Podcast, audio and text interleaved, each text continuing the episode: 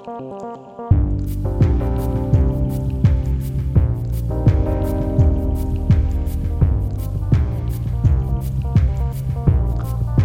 daginn, kæri hlustandi og verðu velkomin í klikkið podcast Hugarafls.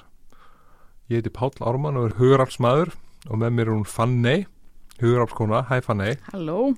Og við hérna, við vorum, við vorum lengi búin að ætla okkur að gera þennan þátt og lóksins eru að gera og ætlum að svona spjalla um ég bara alls konar, svona alls konar varandi okkar upplifanir á geðheilsu málum á Íslandi.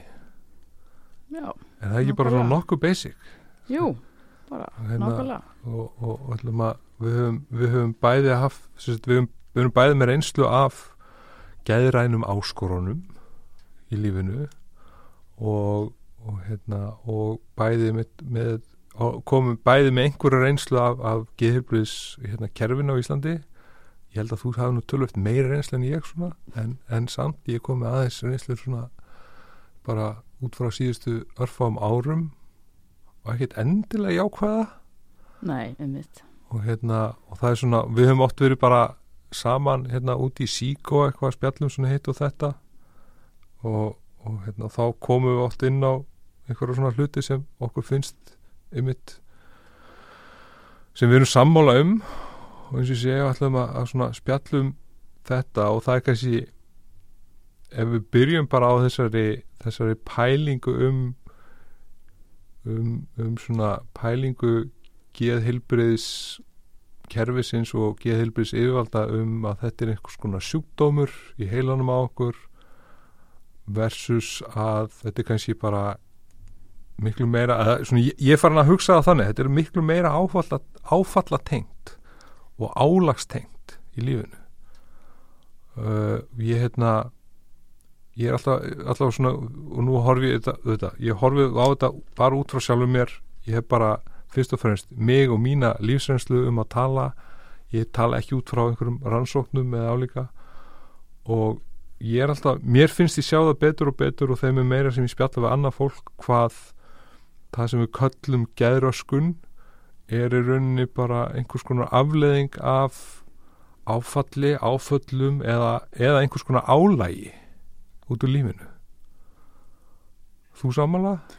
Algjörlega, algjörlega. Og mér finnst fínt og einmitt ég er sammála því, mér finnst gaman að fá að taka upp svona hlaðvarsþáttar sem verður bara svona einmitt bara að spjalla svona líka út frá okkur og verður náttúrulega allt, alltaf áhuga sem að vita hvað hlustendur hafa reynsla af líka en ég er svo sannlega sammála því að við erum með þessa miklu við erum í rauninni landið okkar, við erum bara það er mjög hérna ráðandi þessi, þetta sjúkdómshugtakirunni og þessi hugmyndafræði læknisfræðinar um af hverju sum okkar lifi með andlum áskorunum eða hérna eigum, hvað, hvernig maður orðið þetta vel eigum erfiðara með að fóta okkur í samfélaginu Mm. en aðrir Mm. og bara jafnvel erfitt með að lifa með okkur sjálfum yfir höfuð og, og ég er sammála. Allt sem ég hef lært bæði af eigin reynslu því sem ég sé kringum í mínu námi öll, öllu starfi hérna innan hugaraps og fleira að það er bara nákvæmlega þetta. Við erum að sjá afleðingar áfalla eða mér finnst það, við erum að sjá afleðingar áfalla og eins og þú sagðir, álags. Þetta er mjög viðtakt við erum, við, við erum í rauninni um, við erum alls ekki reyna að einfalda þetta þegar við erum að tala um þetta að þetta sé bara, þetta er bara afleðing áfalla og við vinnum úr þessu einu áfalli og hafa þetta komið. Vi, við vitum að það er ekki þannig. Um, áföll uh, álag og líka þetta hérna, ja, hvernig orða ég þetta? Samfélagsstaða, hvernig við upplifum okkur í samfélaginu Mm. og hvernig samfélag kemur fram með okkur. Að við erum að sjá bara það hafa ótrúlega áhrif á geðhilsu fólks. Og það er svona ég myndi sko, va- varandi þetta með áföll og álag og það, sko, ég nota þetta orð álag, ég, ég vil alltaf hafa það með áföll af því að við erum rosalega gjörna á að líta á áfall eða áföll sem einhvers konar sem einhvers konar hérna svona afmarkaða atburði eh, og jável einhverja stóra atburði eins og þú veist, einhvers konar slís, flugslís eða bílslís eða eitthvað álíka eða hérna eða ofbeldi nauðgun eða eitthvað álíka, eitthvað svona stórt og mikið. Mm. á meðan áfall getur líka alveg verið eitthvað minna. Það getur verið að kærastinn dömpar manni kötturum mann stó amma deyr. Meni, það er nú ekkit smá ef, ef amma deyr, það er nú alveg ákveð áfall. Og svo líka þetta með álag að, að það er kannski svona sko ef ég tek bara dæmi svona út frá sjálfur minn og ég, ég er einhverfur þegar ég var, ég fæði einhverfu greiningu 35 ára þegar ég var barn og úlingur þá, þá var ég einhverfur en ég vissi það ekki einmitt. og það er ekkit smá álag fyrir barn að vera einhverfur inn í þessari óeinhverfu veröld og vita Já. það ekki við dettu líka í hug barn sem elst upp í, í á svona á alkahólísku heimili mamma og pappi eru kannski alltaf að rífast og stundum full og stundum er allt rosalega gott og gaman og stundum ekki og stundum er allt hræðilegt og þetta er ekkit smá álag. Nákvæmlega. En, en, en þannig að það er, það er mitt að orða, hvað orðalagi skiptir máli horfðu ekki bara á eitthvað svona einstök afmörkuð áföll eins og það sé eitt og sér. Og einmitt hvað þetta getur hvað áfall eða álag í til dæmis í barnesku og kannski sérilega í barnesku en ekkit endilega engöngu hvað það getur haft svona áhrif löngu, löngu setna í, á lífinu. Það getur tekið bara það getur veist, eftir 10, 15, 20 ára allt í einu, þá allt í einu fattar við ég er alveg í klessu. Já, nákvæmlega. En tengir ekkert endilega við er já, það var þarna eitthvað sem gerðist fyrir löngu, löngu síðan. Já, einmitt sko. Og svo verður maður líka um, samdöina einhvern veginn álæginu átta sig kannski ekki einu svona á því hversu mikil áhrif það er að hafa á daglegt líf til lengri, lengri tíma. Já, heldur kannski bara að þetta sé eðla já, einmitt, normi manns náttúrulega verður svolítið já, það sem normi var. Já, það er já, bara, það já. setur einhvern standard þarna, þetta er það sem er eðlilegt og svo um leiðu eitthvað verður örlítið skárra og þá, að, þá heldur maður að það sé kannski besta. En það er eh, en svo kannski er bara alveg hellingur sem er að hafa áhrif. Mér finnst þetta, takk fyrir að deila þessu palli. Mér finnst þetta þessi setningja, mér finnst hún góð að vera einhvern barn í þessum óeinhverja heimi. Þú veist, þetta er náttúrulega bara, þetta er svo risastór setning og svo miklu meira en að segja það, sko. Að þetta er, ég get ímyndað mér að það sé ekkert grín. Og ég er svona, mér langar að mér tengja það við mitt. Ég hérna, er alltaf að sjá það betur og betur varandi til dæmis það bara tilhera hinsteinsamfélaginu og ég áttaði mig ekki á því fyrir hann fullorinn hversu mikil áhrif það hafði að reyna að lifa eftir því að vera einhver sem ég var ekki. Um, en svo Reyna var að ekki lifa einhverjum, einhverjum staðli Já, einhverjum kassa. einmitt, og fatta síðan ekki alveg svo held maður, heldur maður þessi nóg að fá bara já þetta er það sem er málið sko. En maður þannig að læra að fóta sér síðan í nýju sjálfsmyndinni, finna Já. nýja sjálfið sitt og finna sjálfa sig sko. Og það og þarna getur kannski lærir maður maður lærir það svona óbeint að, að um mitt þetta, maður er að reyna að fóta sig inn í einhverju ramma sem, sem maður á ekki heiminn í og lærir það óbeint sko að já þeir þú átt ekki vera eins og þú ert. Einmitt, og þá fer maður að setja sig einhverjar óæðilega stellingar sem eru setja óæðilegar fyrir mann sjálfan og svo er einhverja afleðingar af því löngu, löngu setna sko. Einmitt sko. Einmitt, og ég, ég, hérna, ég ég hugsa mér oft eh, ég tala, tala oft um það hérna, í, í, í geðfræstu hugarar þá nota ég oft þessa líkingu við sko ef þú færð, ef þú færð sára puttan mm, og þú gerir ekkit í þessu sári þú setur enga plástur á þrýfur það ekki en eitthvað leðis það getur gerst að þetta sár það lokast ekki, það kemst mm, sýking í það, kemst ég vel drepi í það og missir puttan og ef það Mhm. heldur áfram að gera ekkit í þessu sári hunsar það bara segir bara sjálf að það bara harkar þetta að þér eða eitthvað álíka að það getur gerst að höndin fara af þér og það getur gerst að þú deyrð út af þessu litla sári. En það tekur ótrúlega langa tíma og í svona eins og, eins og nútíma samfélag okkar í dag að það þetta, þú þetta gerist líku ég segi bara, þetta gerist ekki. Það er mjög auðvelt að aðeimitt að, að hérna, búa um þetta litla sára puttanum að þér. En þegar kemur að, að þessum andlugu áskorunum eða, eða einmitt geðveiki eða geðröskun eða hvað viljum kalla það. Ég vil, ég vil helst kalla þetta tilfinningaveiki. Mér finnst það skemmtilegt orð.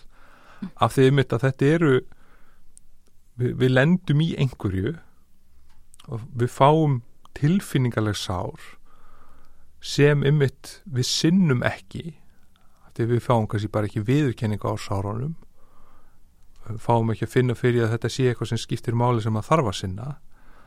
Og svo lungu, lungu, lungu setna er komið byllandi gröftur og drepp í sárið og, og, og maður er komið með einhverja mjög bjagaða og skrítna van, vanlíðan út frá Já. þessu kannski litla sári. Mér finnst þú lungurinn vanur sásugarnum sem Já, að fylgir því að vera já, með þetta. nákvæmlega. Akkurat sko. og Ég- komur inn í einhverja mjög skrítna svona vitundi mitt bara vanlíðan er norm Já, mitt sko. Ég sá það alveg fyrir mér í smá stund að skamma sárið sko. Ég, já, en er að gróa. já, En við erum áverst að svo nefndir, þú nefndir hérna að þetta er dæmi sem þú tekur þegar þú ert í geðfræslu hugaráls og þú kannski tala um það áður í þetta er, er þetta ekki samt nákvæmlega það sem þið er að gera þar, að fara í geðfræsluna og ræða um tilfinningar og ræða um uh, í staðan fyrir að vera að ræða í rauninni við hvað er að fara í grunnskóla, framhaldsskóla og ræða þá um tilfinningar í tengslum við áföll og sjálfsmynd og annað frekar heldur en að vera að tala um geraskanur og greiningar Jú. Já. það er bara klárlega mm. og, og það er náttúrulega veist, við tölum þarna bara út frá okkur sjálfum við segjum sögun okkar og svo leis Já, og, og sko fyrir mér mér finnst það einhvern veginn ekki svo í slettinu og leð, að leðilega hérna, mér finnst það ekki make a sense að að, að, að eitthvað svona að þetta sé að mín líðan í getum tíðina sé ekki sé, bara eitthvað inn í heilanum á mér. Nei, einmitt. Að þetta sé bara eitthvað meðfætt ástand eða eitthvað álíka. Ég, ég bara og, og mér finnst það enga með make a sense og þegar ég einmitt svona í minni sjálfsvinu fyrir að skoða bara líf mitt bara hvernig hefur þetta verið? Er þetta allt búið að vera að dansa á rósum eða ekki? Og, og þá fyrir að, fyrir, að- fyrir að koma í ljós bara já, heyrðu og, og þú veist, ég þurfti að veist, skoða hluti sem ég kannski man ekki eins og eftir. Tala við fóreldra mína til að svona fá þau til að rifja þau upp með mér.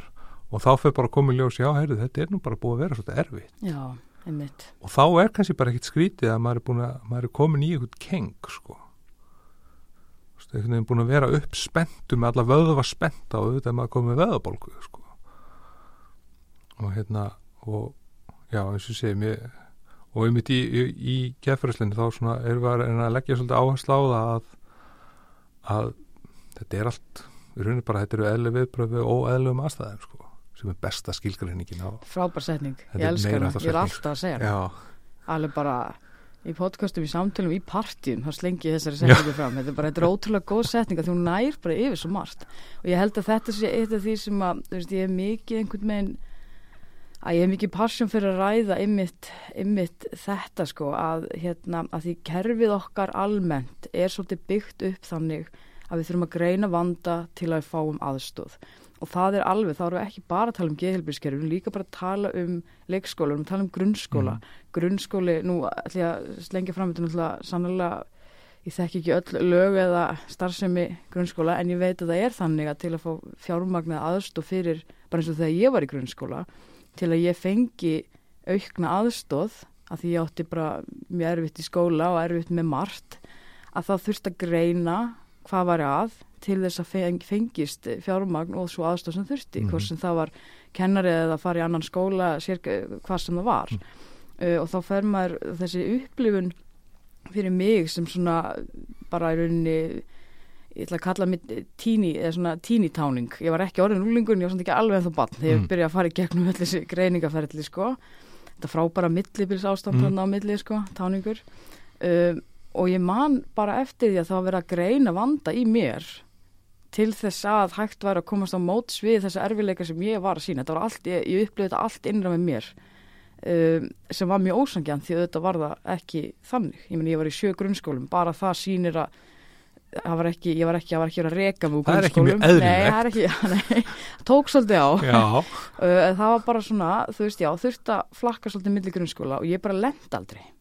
Og um leiðum maður kemur sem einhver hérna, sveita stelpa í nýjan grunnskóla, þá náttúrulega bara passaði maður ekki alveg eins, sko. En hérna, sagt, uh, en ég náttúrulega átta mig ekkert á því þarna að þetta var að hafa þessi áhrif á sjálfsmyndina.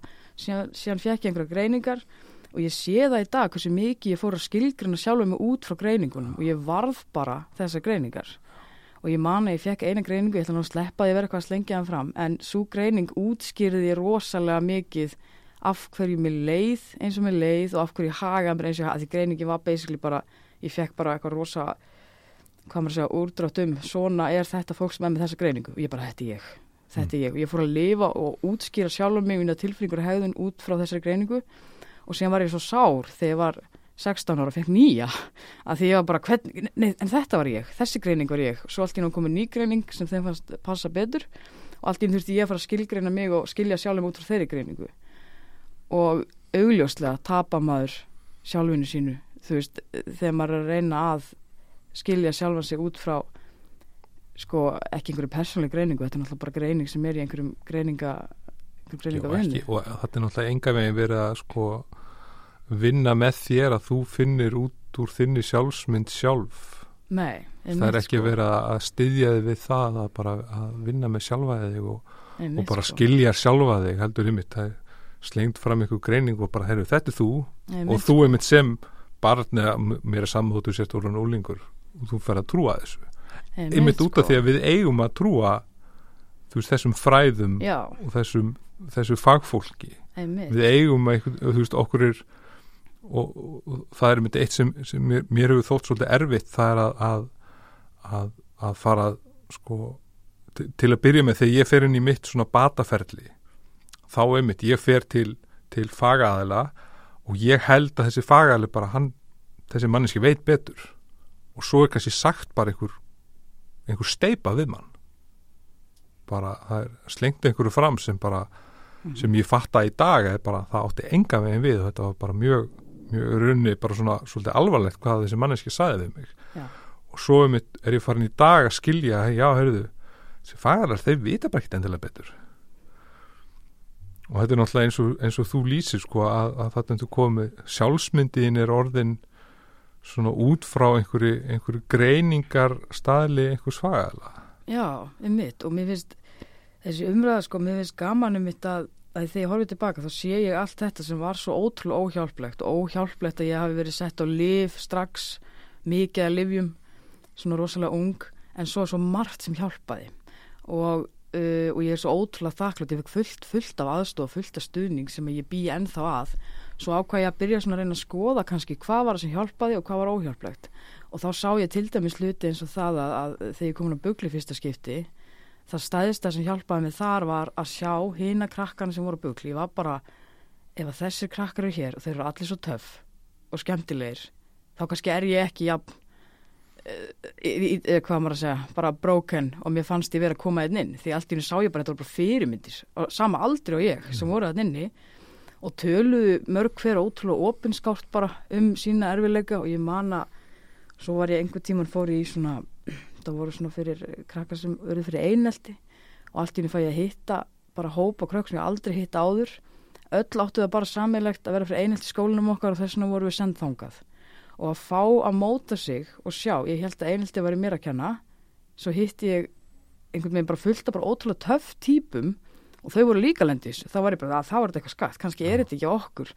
Það eru alls konar hlutir sem að stuttu ótrúlega við, ég man, ég man ennþá að þess að ég fara nefnum fullt á nöfnum og svona, ég man eftir samtölum við stuðningsfulltrúa hjúkurinn og fræðing og fleiri sem sögðu mér eitthvað persónlegt eins og ég var fyrir einhelti líka. Ég ákvað að fara í þetta starf af því að ég náði að vinna mér upp úr því og ég var bara, vá, ég geti fara að vinna við þetta og svo fleira og fleira sko. Þannig að hérna það er svo margt hjálplegt sem við erum að gera en leiðin af því og margt í kringum það getur verið einstaklega óhjálplegt. Þannig að meika þetta eitthvað sens já, svo ég sletti líka svona, sko mér dettur í hug bara eins og þú lýsir þessu þú, þú ert þarna rétt ánum verður úrlingur komin inn í eitthvað vanlíðan og svo leiðis við mitt, hvað það eru, sjö grunnskólar? Já. og það er enginn sem er að sko, þá, þá er farið að greina þig út frá bara hvernig hagar þú þér hvernig líður þér er núna. Og enginn að spurja þig, byrju, hefur eitthvað komið fyrir? Hvernig líður þitt, hvernig er félagslega staðaðinn er stuðningur heima við? Er veist, hvernig, hvernig fjölskyldu lífið? Eða eitt svoleiðis, það er engin að pæli því eða hvað Já, það voru örgla einhverju leiti, en máli er einmitt þetta að það er eitt að spurja, það er annað að taka það inn, eins og þú segir.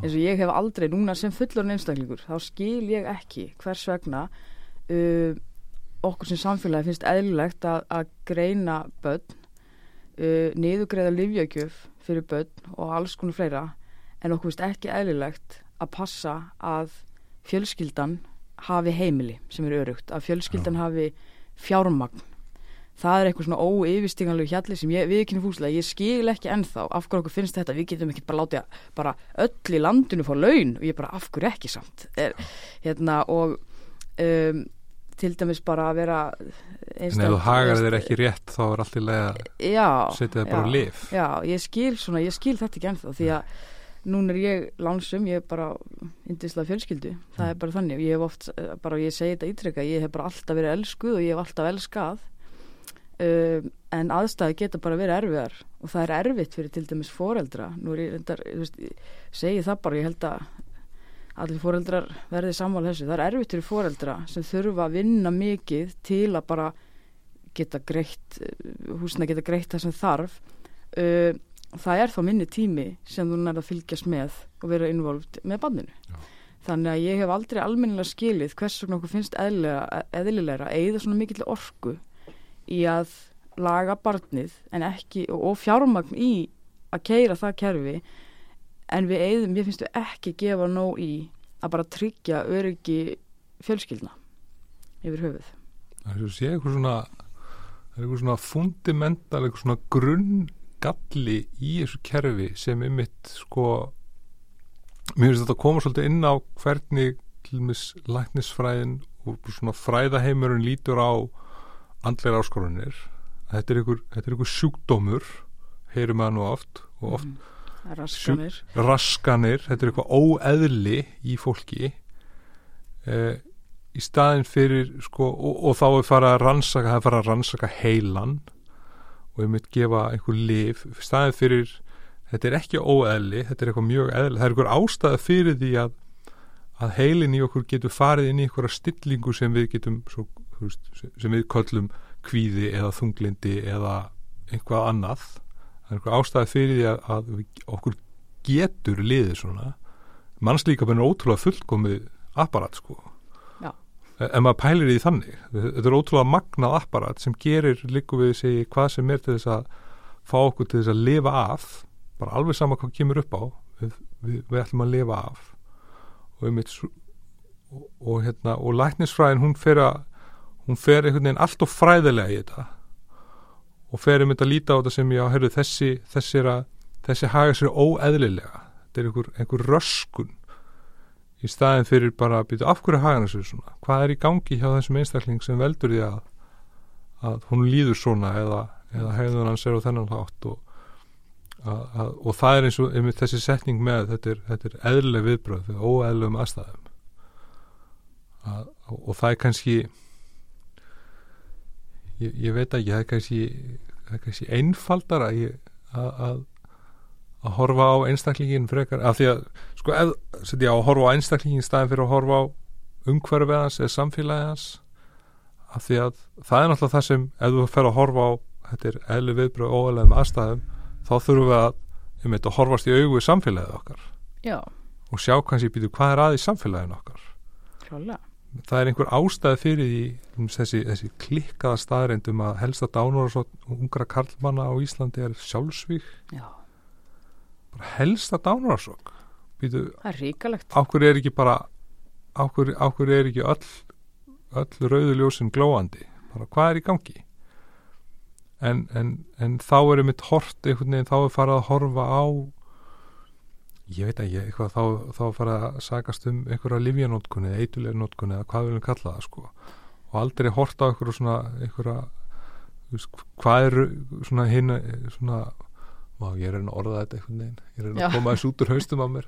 En það er, þú veist, við, við finnst alltaf eins og við, við erum ekki að horfa á hérna raunverulegu afleðingu við erum alltaf að takast á við einhverju orsök. Já. Við erum að því. Og emmitt eins og kynun hann líka sér skekkja hjá okkur sko.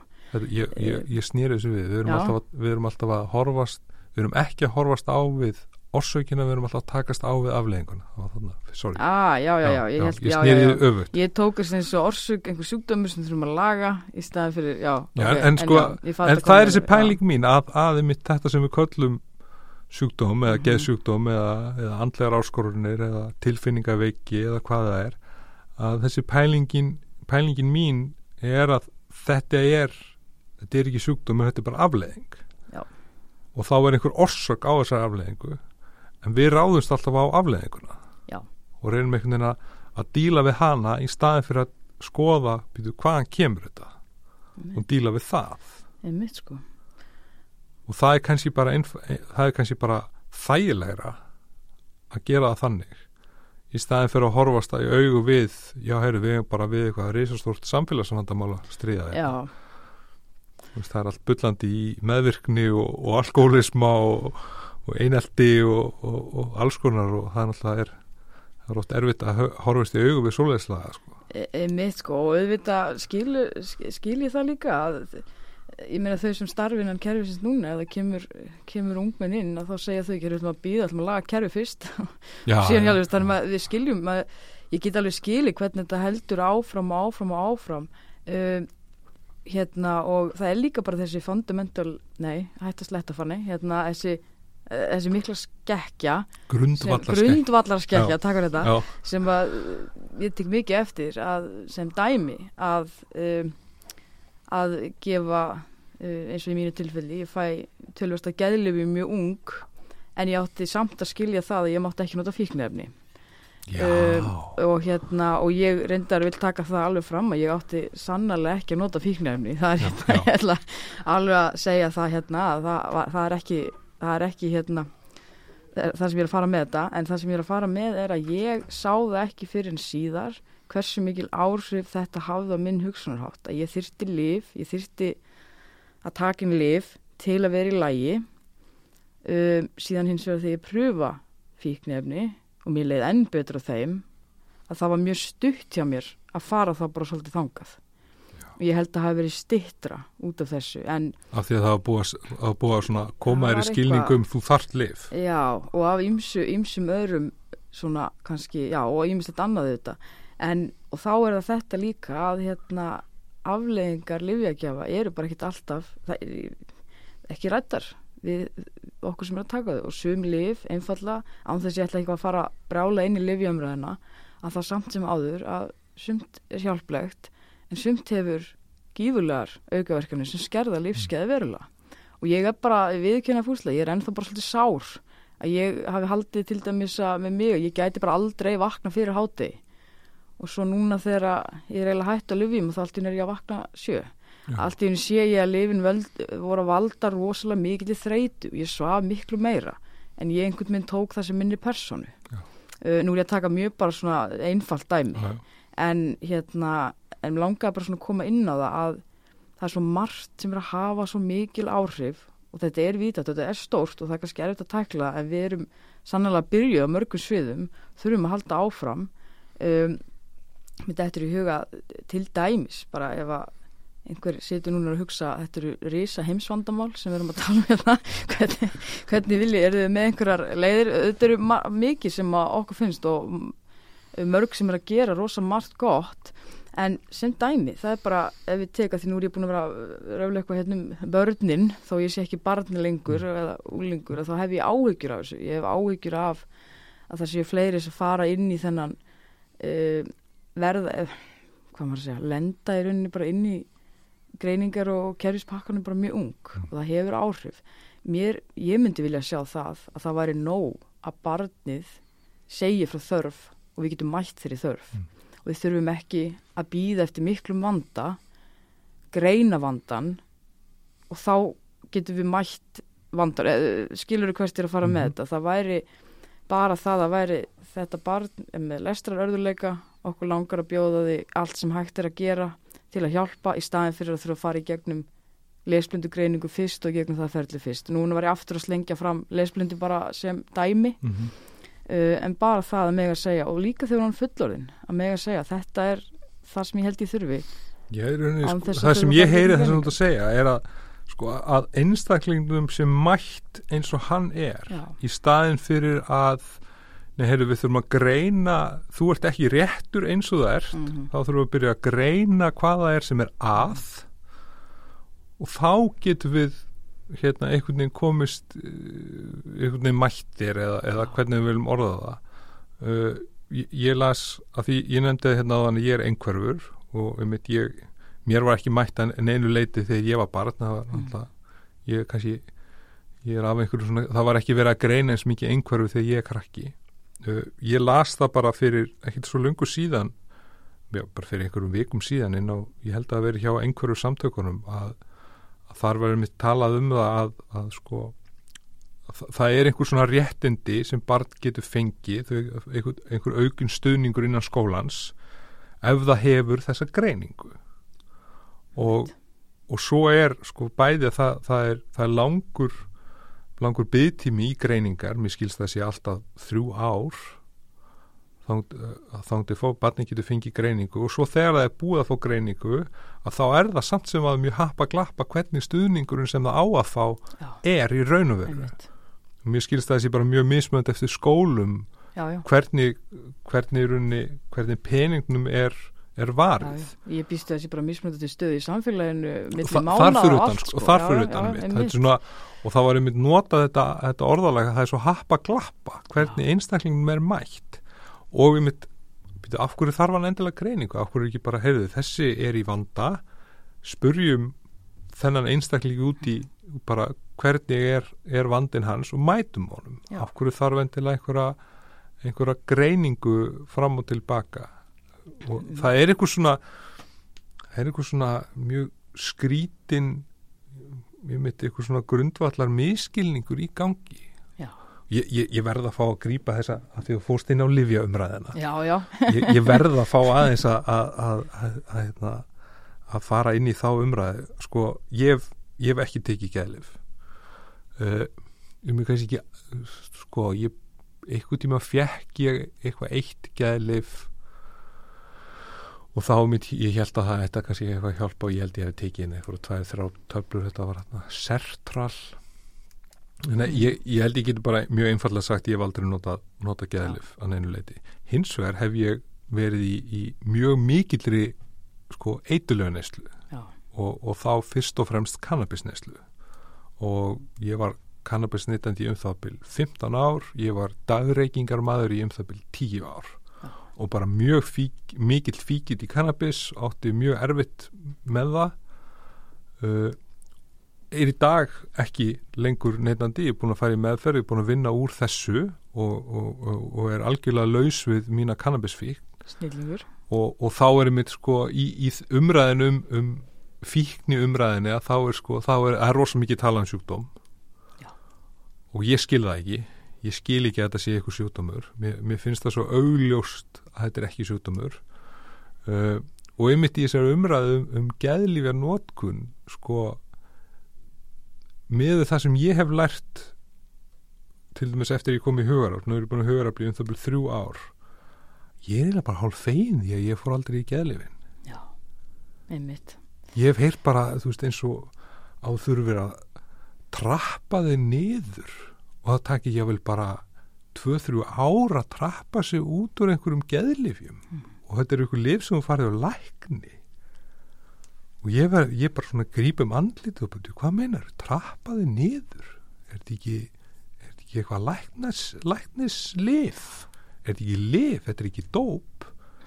En svo einmitt fyrirst vera að þetta er bara svo einmitt fara þessi þessi lifur og farin að ganga kaupum og sölum á einhvern svörtu markað í Já, dag já. bara eins og hvert annað dóp. Já, já, og, og það sem er sko en á, með, já, á meðan að þá er sko eins og, eins og ég, ég var, sagt, ég var dópisti öll skömmin til dæmis sem fylgir því en það sem ég sé í dag hins vegar er að ég notaði kannabis í rauninni bara eins og geðlif þetta sló á mína vannlíðan Mhm. og það gerði það rosalega vel.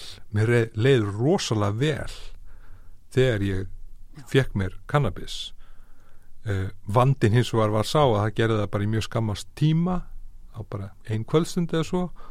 Og hérna og svo svo, og, já, og svo er það hitt að hérna, og auðvitað, auðvitað eng, enga veginn einhver varanlega laust og auðvitað, ég, ég held ég allir ég þurfi ekki að nefna það sérstaklega ég vil alls ekki að fólk sé að nota vímefni og, og, og allt það. En, en en svo einmitt heyrir maður af því varandi, sko, það sem gerir svo hjá mér ég fer svo að reykja meira og meira og meira.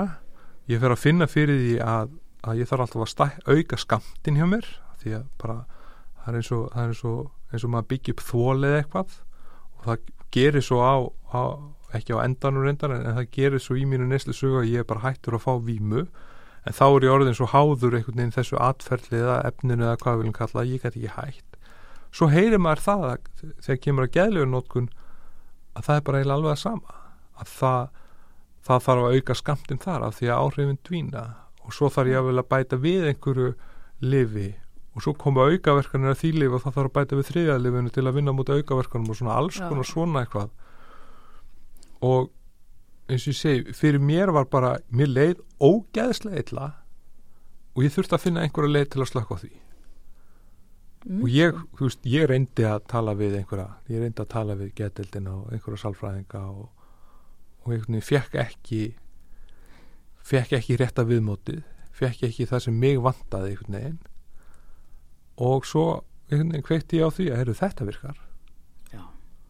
og þá svona, sko, ég tengi þetta alveg svo, svo reynd og beint við það að mér leiði illa. Og þess vegna fór ég að nota þetta. Já, og svo er einmitt sko ég var, nú, ég var að hlusta á viðtal við eina móður móðir eins víkils og það er til dæmis þessi hún talaði um sko hvernig einmitt dóttirinn hún byrjaði í kannabissi og svo leittist hún út í annað. Mhm, og þetta er rosa oft talað um hvernig eitt leiður að öðru og eitthvað Já. svo leiðis sko ég tek það mjög ég er mjög, mjög hreinskilin með mínu neyslu. Ég var mjög mikill kannabisneitandi mjög mikill. Ég fór aldrei neitt annað. Ég Nei. prófaði ímislegt annað. En byrju af hverju af hverju fór ég ekki eitthvað annað já, ég held að þetta sé einmitt þetta er með nú, mann ekki hver sagði þetta en þetta er einmitt þetta samtal um að þetta stríð á fíknefni sem eru meðal annars í bandaríkjónum og fleira alltaf, að það er svo skökk mynd af því við lítum á eins og kannabis sé eitthvað Já. en rauninni svo að þú veist er ekki áföll drug er ekki vanlíðan ég held þú sett að tala um Jóhann. Hari já, Já. þarna kom það, ég var bara oh, ok, já, takk nákvæmlega ég mæli, mæli alveg bara að fara á. YouTube og, og hérna sko. leitaði Jóhann Hari, Já. hann er alveg frábær. Algjörlega. Og þetta opnar svo mikla þetta opnar svo mikið því að við erum að horfa alltaf á fíkla út frá efnunum sem þau notaðu í hvað rauðu notaðu þá fáum við ekki rétta mynd. En þegar við horfum á lífsöguna þeirra og lífsöguna okkar saman hvort það sé eh, fíkn eða genar áskun annað þá sjáum við þetta miklu betur áföll, álag, einmannaleiki Já, vöndun á tengslum. Sannlega og hérna það ég, ég held einmitt líka þegar ég langar svona að grípa þetta með livjöumræðina því nú babla ég, babla, ég ætla ekki að segja babla ég tala oft um þetta, þetta er svona líkum mér oft á hjarta og líka bara út af minni persónulega reynslu og minni baráttu við geðlif um, og ég finna að stundum tala ég og ég passa mig að því stundum finn ég að ég særi uh, og, og ég ætla að fara fá að útskýra það að fólk tekur eins og þú veist, hei, ef ég hef ekki tekið þessi lif þá hefði ég ekki lifað. Hmm. eins og ég sé ekki að lítið úr þeim eða jafnvel foreldri sem segir það var erfið ákvörðin fyrir mig að setja barnið mitt á lif en, en núna er hann að funkur í skólanum. Um, þannig að þú veist eins og ég sé að tala á móti því og það er sannlega ekki það sem ég er að gera. Og hérna því ég veit en það sem lif eru er hérna er úrræði það er eitthvað sem við getum valið um en það á að vera val. Og ég vil sagt ítreka það að ég er ekki að tala gegn livjum, ég er samt að tala gegn þessari livjavæðingu sem virðist vera rosalega mikið í gangi og ég er ekki sátt við það að til dæmis þetta að við séum sett og liv en það er ekki rætt við okkur eða gert plan með okkur hvernig við tröppum sér niður ef við viljum. Það sé ekki næg umræða um aukaverkuninnar sem eru af livjónum og það sé bætt fleirum og fleirum við og eitt sem ég þarf alltaf að skjóta inn í þessu umræðu því nú hætti ég sem sagt skyndilega á öllum mínum livjum fyrir, það komið tvö og hálft ár síðan eða svo. Og ég ætla bara að segja það hér út, mæli ekki með bara það er bara svolítið þannig. Mér fannst eins og væri Þú fórst bara svolítið pínu í klessu. Ég bara rústaðist, ég bara Já. liði þetta næstu ekki afbali ég, bara, ég er eiginlega bara í áfalla ég hafi eða þetta var rosalega erfitt og ég er mjög hræðilegt og ég er náttúrulega bara hausin á mér, höfuð á mér bara splundraðist. Já. Og hérna og það var bara, það var hryllingur. Og hérna en mér fannst eins að vera búið íta mér út í hotn eða ég upplegaði þannig, ég var komin á mikið, mikið lif, háa skamta um, en ég var hins vegar það var svo, mér fannst þessi einkenni sem ég, nú er ég að gera svona gæsalappir hérna sem enginn sér nema þú Palli, uh, sem voru talað um sem einkenni sem þurfti að lifja burt, þau voru öll komin í gegn bara, þú veist, nú tekið sem dæmi hérna að ég hef heyrt eh, stundum rattir í gegnum tíðina og ég var með miklar og þungbæra rattir í gegnum öll þessi lif en ég réð svo illa við þessar þungbæru rattir að því persónuleiki minni sem ég upplifa húmórum minn var horfin tilfinningarna dopnar ég var alltaf þreytt. Um, og all, allar þessi afleikar en lifin tóku svo margt frá mér en síðan blossaði eitthvað svona þungbært upp sem vanalega nota ég minn svona karakter og minn styrkleika til að takast á við það það var eitt með farið, hann er mjög langa í rauninni að minka lifin en mætti þá bara lókuðum dyrum. Bara við teljum að það sé ekki tíma bært fyrir þig að minka lifin fannig þannig að hérna, þannig að mér fannst vera búið íta mér eitthvað út í hot þannig að ég hætti bara og það var ekki gott, það var hræðilegt að hætta á svona mikið að lifjum, eittur og bingo stór hættur, mér finnst þannig ég ég skipti mér ekki, ég vil ekki skipta mér að því þegar ég er að tala við fólk í personu ég er ekki að segja að fólki hættu bara svona lifjum ekki, ekki fræðilegur, en ef fólk segir við mig ég er að spája hættu á lifjónum mínum að þá er ég bara ok, eigum við eiga samtaleitna vegna þess að mér langar að hvetja fólk bara stuðningur, þurfum stuðning.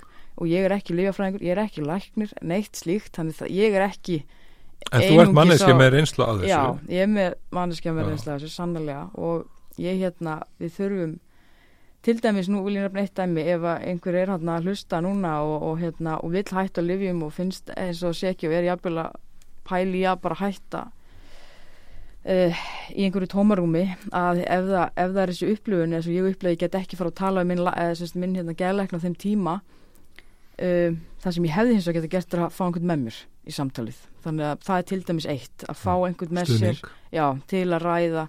Mér langar að trappa mig niður og ég vil fá stuðning við það. Um, Er ég, er ég að skilja er rétt að, að sko sagt, þegar þú ert á öllum þessum lifjum og það er mitt fara að koma upp þessar, eru svona sterkar rattir og svo leiðis já, svona þungbærar þungbæra, þungbærar. bara þungbæri líðan getur við sagt ég að vel ég svo, já, þú eru átt kannski bara erfiðara með að takast á við það. Já, út af lifjónum algjörlega, algjörlega. Það var algjörlega mín upplifun. Og að því Og- sko að, mér er svo góðu punktur þú veist, það er ekki það, lifir ekki ekki bara einhver, einhver, einhver djöfull sem við erum að útrýma úr okkar samfélagi, en það er þetta hvernig við erum að nota þau. Já, þessi mikla sannan uh, hérna, ég var, ég manna þegar ég, þegar ég kom fyrst inn í höfurafl, þá var ég mjög á móti öllum lifjum mm, og hérna, ég man, ég sagði þetta eftir mann og, og, og Fríða formaður, hún greip þetta hjá mér og hún svona hálfpartin skammaði mig. Og þá sagði hann sko að, mitt að, að hún, hún kom mér í skilningu það að, að stundum þurfa einstaklingar á sem lifjum að halda. Og, og það sem ég er búin að læra í dag er að sko sko lif þau slá á einkenni. Og þau eru til þess. Þannig að ef þú ert kannski með veist, þið líður rosalega illa og þú bara, þið líður það illa að þú bara, bara valla höndar lífið þá getur verið gott fyrir þig að fá lif sem slá aðeins á hennar vanlíðan svo að þú getur tekist á við hann. Lif hins vegar þau lækna aldrei. Þau gera aldrei veist, þau, það, það er ekki til neitt lif og hvort geðlif nefn einhvers konar önnurlif, það er ekki til hjartalif eða krabbaminnslif sem eru þannig að, að einstaklingin getur farið á lifið, hann læknast og getur svo hætt á því og er bara hann góður. Þau eru til þess að slá á einkenni og mér dettur í hug svona eins og í, í hérna, veist, ef þú fótbrotnar þú færð gifs utan um löppuna á þér og svo færðu verkefstillandi lif sem eru bara til þess að slá á verkin svona þannig að höndin aðeins dægin svona meðan að löppin er að, er að lagast. Uh, og, og, og það er svona einmitt, það er þessi, þessi rosalega mikla livjanótkun og þegar maður heyrir af einstaklingur sem eru kannski búin að vera sama livja sami lifun í ára tugi mm, og það er ekkert verið að reyna að gera fyrir það eitthvað annað það er, engin, er ekki verið að benda þeim á heyrðu, já, þú ætti kannski að fara í einhverja samtalsmeðferð eða fara inn í einhverja hóp, hópastarf eða vinna í sjálfu þér og einmitt, og þarna kom við inn á ennara svona kannski einmitt skekkjuna eða það sem að við mótmælum hér að líf sé fyrst stóraði og jafnvel það eina sem er bóðið upp á í Já. langan tíma uh, því að uh, það er rosaskakt það er rosaskakt að, að, að það skuli í alvörinu vera það er byggðlisti hérna eftir þessu sem við teljum að sé- frábært fyrir þig. Í millitíðin skaltu byrja á þessum lífum með þú býður þú veist þetta er ekki þetta er, það er ekkert skrítið ég, ég, ég hef sjálf bara verið bara ég vil please fá líftak eða þú veist að því Já. maður er bara komin að þennan stað að Já, og maður treystir þessu fólki og trúir því og, og, og einmitt, Já, já, þau já. segir bara, hefur þú verður að vera á lifjum já, ok, mitt sko. Þetta, þetta eru fagaðalar maður, maður, maður, maður á að trúa þeim sko. og í, eins og nefndir þetta náðan í sömum tilfellum og þá slá lif á vanlíðan eða tekur í burtu Einkennin. einhver, einhver svona það sem maður getur kallað einhver, já, einhver vanlíðan eða einhver, einhverjar erfiðar upplifanir.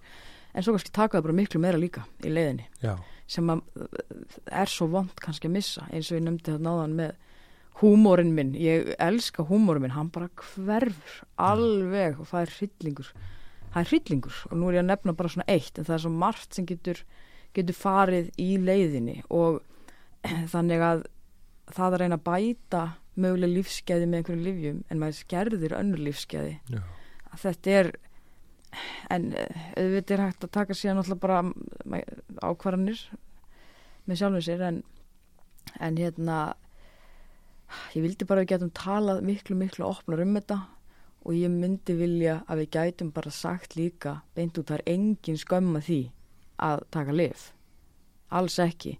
En við viljum, ég vil að við höfum þessu opn umræðu um hversu mikið þau skada líka og hvaða aflengar geta haft.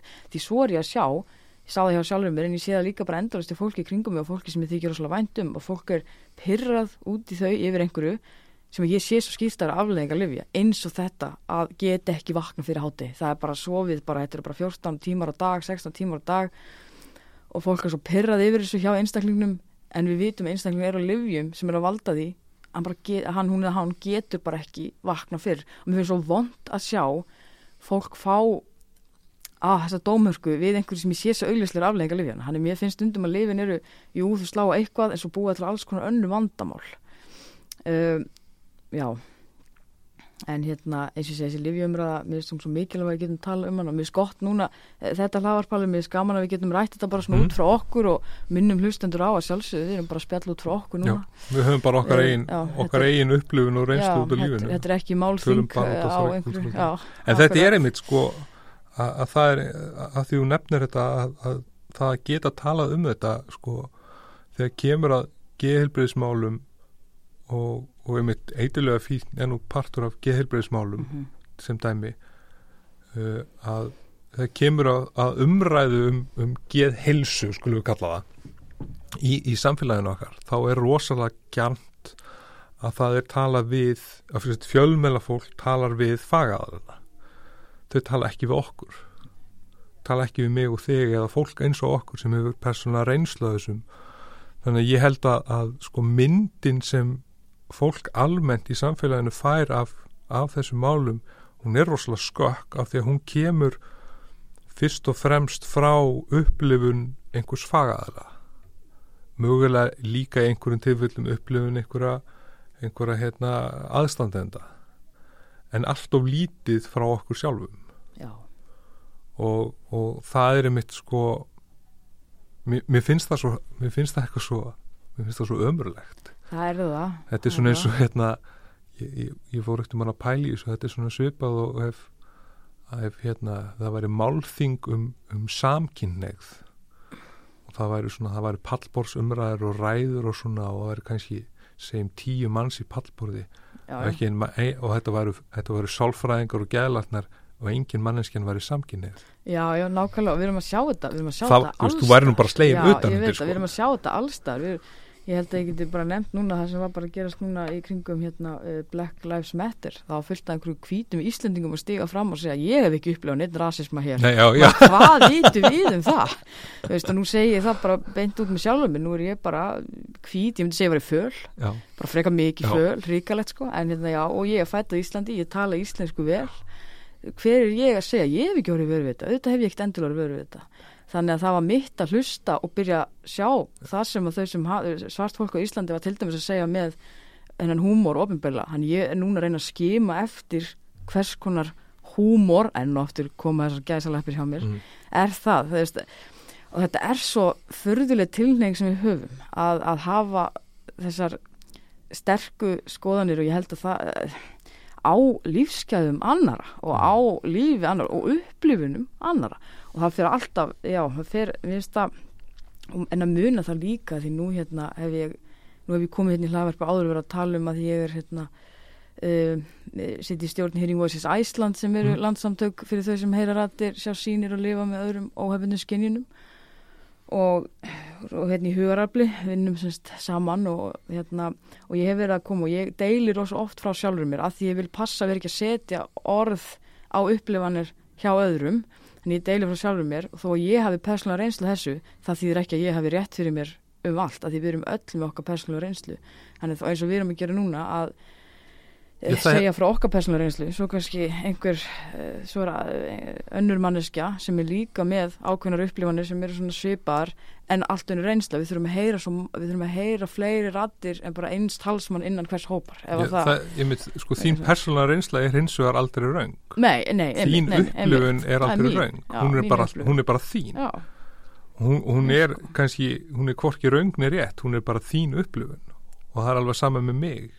Men þetta er bara, veist, ég hef mína upplifun, hún er ekkit raung en svo einhvern veginn er búið að ramma þessar hluti inn í eitthvað svona þetta er svona en ekki svona og þú átt að vera svona en ekki svona. Þú átt að passa inn í ramma einhver svona, einhverja staðlaða ímynd og hérna og, og, veist, einmitt, eins og eins og með samkynniða fólki hérna fyrir kannski 40-50 árum síðan að þú mátt ekki vera samkynniður þú ekki að vera, þú ekki að vera veist, það er bara allir að vera eins. Já. en svo um, hefur þessi rammi hún, hann hefur nú aðeins verið að brotna svona í getnum tíðina það er svona alltaf verið að benda á það meira og meira og það er mitt í þessum í þessum kynneiðar og uh, málum sem það kannski hefur hvað mest komið fram. Það sem er verið að sína okkur að fólk er bara alls konar. Og, veist, og það er ekki einu sinni bara veist, í dag er það ég, ég, er, ég er sjálfur pínu vandræði með þetta sko í dag er komið, það er ekki bara samkynnitt og gagkinneitt fólk, það er bara svona alls konar alls konar flóra hins einn samfélagi Já, já, hinsegin samfélagi. það, já, og er ég, er ég er oft í vandræðum sjálfur með bara hvaða orði ég á að nota og svona því ég þekki þetta ekki alveg en þannig bara það, það er alltaf verið að sína okkur betur og betur, bara fólk er alls konar Já, og við þurfum bara, við þurfum að mæta einstaklingum það sem hann er já, í staðin fyrir að, að kerfið búi til einhverja svona ætlum við að gera þetta og einstaklingur þarf að mæta kerfinu þar sem það já, ymmit og, og, veistu það, og þetta er líka bara ótrúlega góða punktur. Nú að við förum inn á bara okkur sem personur að taka þátt í þessari breytingu og taka þátt í að uppræða þetta fordum og fleira að þá langar mér að taka dæmi hérna sjálf mig með þetta hlaðvar bókstallega Mhm. nú hef ég lagt mikið upp úr því að sé eh, svolítið tíma að vera með orðalag sem er kynhlutlust þegar ég tala. Um, og ég, ég er búin að vera í hálft podcastið að nota bara og svo er maður bara svona og svo er maður, ég bara alveg svo fatta í svona miðju podcast og bara, ó nei. Þú veist þannig að hérna, þetta er líka þetta er æfing að byrja að nota orðalag sem er svona um, og nú sletti ég eftir inclusive að reyna og nota svona hlutlisara orðalag. Þannig að hérna um, að það, það er ekki bara ég fættist ekki bara með þetta á hreinu, það er ekki þannig. Við þurfum að æfa okkur og kynnast fleiru og skilja fleira. Og þó svo að ég uh, tilheri hins einn samfélagin þá þýðir það ekki að ég kunni allt þar inni, ég þarf að, hl- að hlusta á hlusta á rattir hjá öðrum uh, og mæta því. Og ég held að hérna varandi orðalega þegar kemur að því sem við erum búin að tala um núna varandi þessar geðsjúkdóma, geðgreiningar, allt þetta dótir í að þá er sjúkdómsvætta orðalagið orðið normið í Mhm. samfélaginu. Við tölum um við tölum um oft fólk upplifanir þessum greiningar, það er þunglindi, það er kvíðaröskun, það við notum þetta sjúkdóms og til að útskýra sjálf líka hvernig, við, hvernig okkur líður þá notum við oft sjúkdómsmiðað orðalag sem kemur beint frá læknisfræðinni. Og það sem við leggjum svolítið upp úr hér í hugarafli að það er einmitt þetta að byrja að nota manneskjulegra orðalag. Að nota ekki læknisfræðilega orðalagið yfir tilfinningakorki okkur sjálfum eða öðrum eða upplifanir heldur reyna að nota mannlegt orðalag og, og, og, og nota okkar eigið orðalag. Og nú til dæmis uh, tala ég um sínir en ég tala ekki um uh, offsjónir eða offskynir, Já, ég tala um já, sínir já, já. og við tölum um þegar, eh, og það er ágætis æfing að segja, já ég er bara búin að upplega mikið þunglindi en hvað felur það í sér, það er svo margtna á bakvið, í staðan fyrir að segja ég er búin að vera miklu þunglindi upp á síkastið að segja vonleysi mikil, mikil deburð mjög óerug og svo framveg sem leið og við förum að grafa onni í orðin að þá er kannski við getum notað sama orðið yfir tvær manneskjur það er enga veginn sami líðaninn sem liggur hann á bakvið þannig nei. þetta er svona, þetta er ákveðin æfing og þetta tekur, tekur tíma og ég er ofta hérna, segja eitthvað og segja, ah, og leiður eftir mig eða fatta að þreymdun setna, nei ég sagði þetta þarna, svona eins og í miðju podcasti líka hér, eitthvað, ah nei Þetta kemur líka svona inn á. Mér er þetta frábæra punktur þetta í staðin fyrir að segja þunglindi að nota sko Mhm. Hvað ég segja, svona bara orð svona tilfinningaorð, einmitt deburð, sorg þú veist, að þú, þú ert í staðin fyrir að, horfa bara, já ég er með hennan með hennan sjúkdóm sem heitir þunglindi að þú áttu farin að farin að skanna sjálfa þig og skilja og skilgreina þig og þetta, þetta er svona æfingi sjálfsmeðutund að, að, að að fara að skilgreina bara þín, þína líðan Já. og skilja hana betur sem eru þetta ekkert nema gott. Einmitt, og hérna, og einmitt, já, ég, ég, ég, ég kannast við þetta þegar þú, þú talar um þetta að sko, ég, bara út frá sjálfu mér að hérna, ég fekk, ég, það eru fimm ár síðan ég fekk einhverju greiningu og það er svona, það hleypir svolítið mikið af stað þessu bataferli mínu. Og svo hef ég sagt af og til svona um sjálfu mig bæði við aðra og bara við sjálfu mig að ég er, er einhverjur kvíðasuglingur með allt og mikla áfallastreitu og ég þarf svolítið að passa mig að ég er svona, ég farin að finna fyrir því í dag að, að, að þetta er farið að skilgreina mig kannski aðeins svo mikið. Já að segja svona, já ég er svona af því að ég er einhverfur. Já ég er svona af því að ég er, ég er kvíðin ég er svona út af þessu. Svona í staðin fyrir að, kannski svona sleppa svolítið tökunum af þessu og, og, og skilgreina mig bara ég, ég er bara manneskja og, og, veist, og mér líður stundu svona og svo líður mér stundu svona og hérna og það er svona þetta kemur inn á það einmitt hvernig, hvernig svona sko það, það, það er þessi pæling sem, sem við byrjuðum þáttin á að sko að læknisfræðin er veginn búin að taka þetta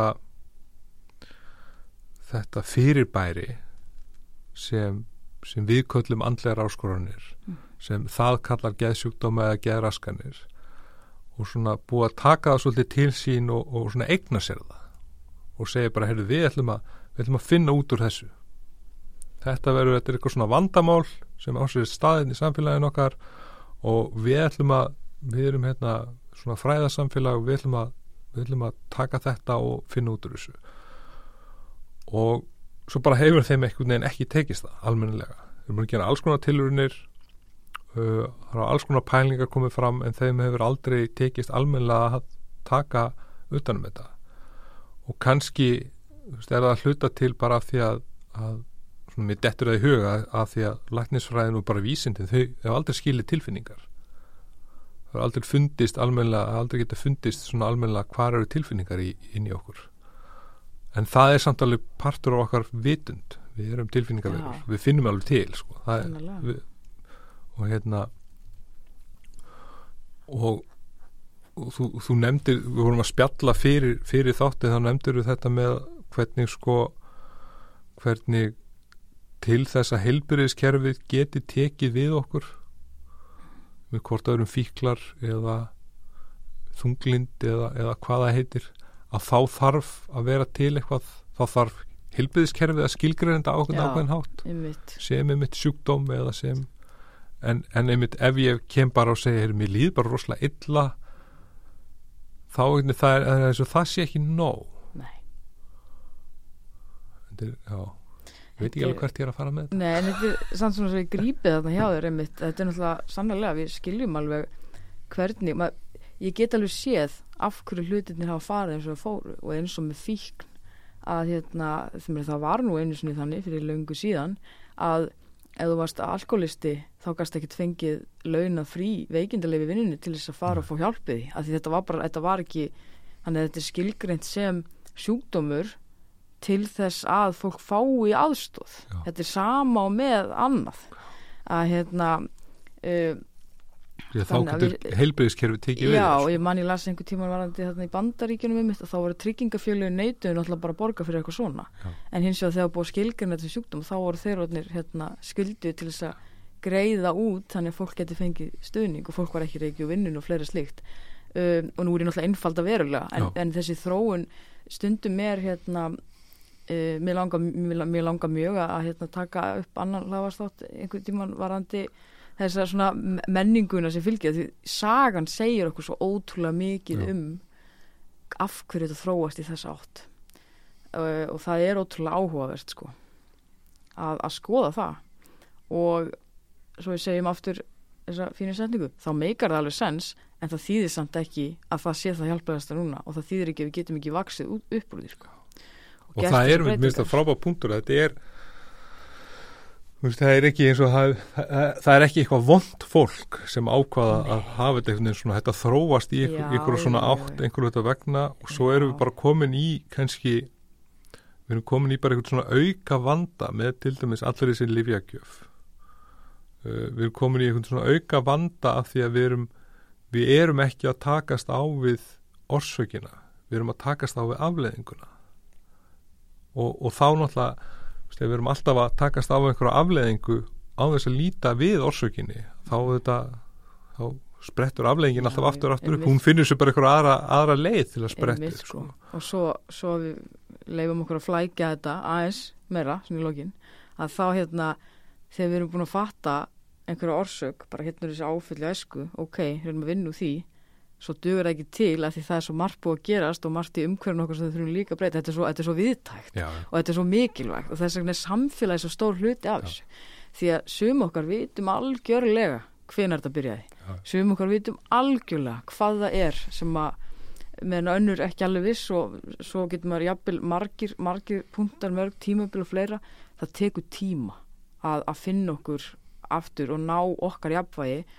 Um, mér finnst svo erfitt þegar við erum að ræða um þetta sem er innan kerfisins auðvitað líka þau þurfa náttúrulega bara svolítið að skilgrina hérna þú að vera í ár, hérna þú að vera í sex vikur. En rauninni svo það er ekki tímar á þessu þetta er lífslip, þetta er ekki bara að reyna að vinna sig út úr einhverjum sjúkdómi eða að reyna að vinna sig út úr einhverjum röskun eða hegðunamunstri þetta er bara líf okkar. Mm. og hérna og það er svo, mér finnst þetta einstaklega óþæ, óþólandi við áfallavinnu svona út frá mér persónulega. Að um leið og ég, bara ég er búin að ná einhverjum sigri í einhverjum svona gömla áfalli og ég er búin að takast að gera eitthvað nýtt og þá kemur eitthvað annað, ég ekki, ó nei.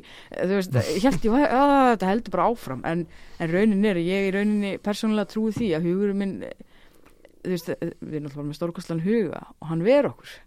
Hann ver okkur fyrir Já, hann alls gera konar það verkum að við lifum Já. af alveg sama hvað. Og ég held að hugurinn okkar, hann býður svona ok, núna er hún Já, fann nú hún orðið nógu sterk til að takast á við þetta hér. það við þetta. svo grítir hann því svona eins og stein í nakkan á mér og ég eitthvað, "Ah," en, en hérna en ég, já, þannig þetta er þetta er bara, þetta er lífslöp mm. það er bara þannig. Þannig að, og það væri svo mér finnst, ég er stolt á rosalega mörgu sem er að gerast í samfélaginu okkar. Og ég er sérstaklega stolt á öllum þessum græsrúta samtökum sem er að rýsa upp og, og eins og við nefndum áðan svona að því við erum búin að koma aðeins inn á með hinsinn samfélagi það er náttúrulega bara frábæra fyrirmyndir sem hafa barist þar lengi. mm.